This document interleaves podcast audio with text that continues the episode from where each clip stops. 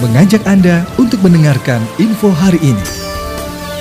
Kejurnas Atletik Jateng Open 2022, tim sprint Kabupaten Bekasi kawinkan medali emas.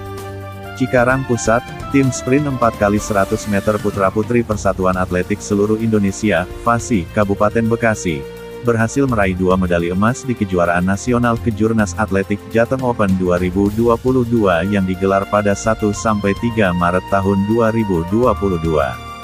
Berlaga di Stadion Trilomba Juang, Jalan Pandanaran Mugas Kota Semarang, Jawa Tengah, tim sprint putra terdiri dari Rian Adi Saputra, Rizky Ramadan, Oksa dan Muhammad Ardiansyah menjadi yang tercepat di atas lintasan.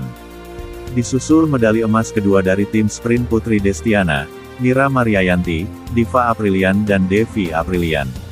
Ini sebuah kebanggaan, tim sprint 4 kali 100 meter putra-putri berhasil mengawinkan medali di kejuaraan nasional Kejurnas Atletik Jateng Open 2022.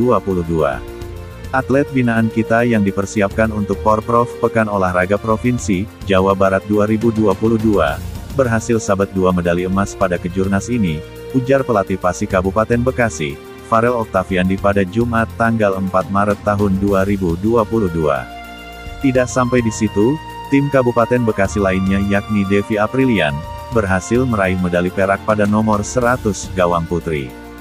Disusul dua medali perunggu oleh Rizky Ramadan di nomor 200 meter putra dan Anita Sari di nomor 5000 meter putri. Total kita berhasil meraih peringkat ke-6, dengan raihan dua medali emas satu medali perak dan dua medali perunggu, ucapnya.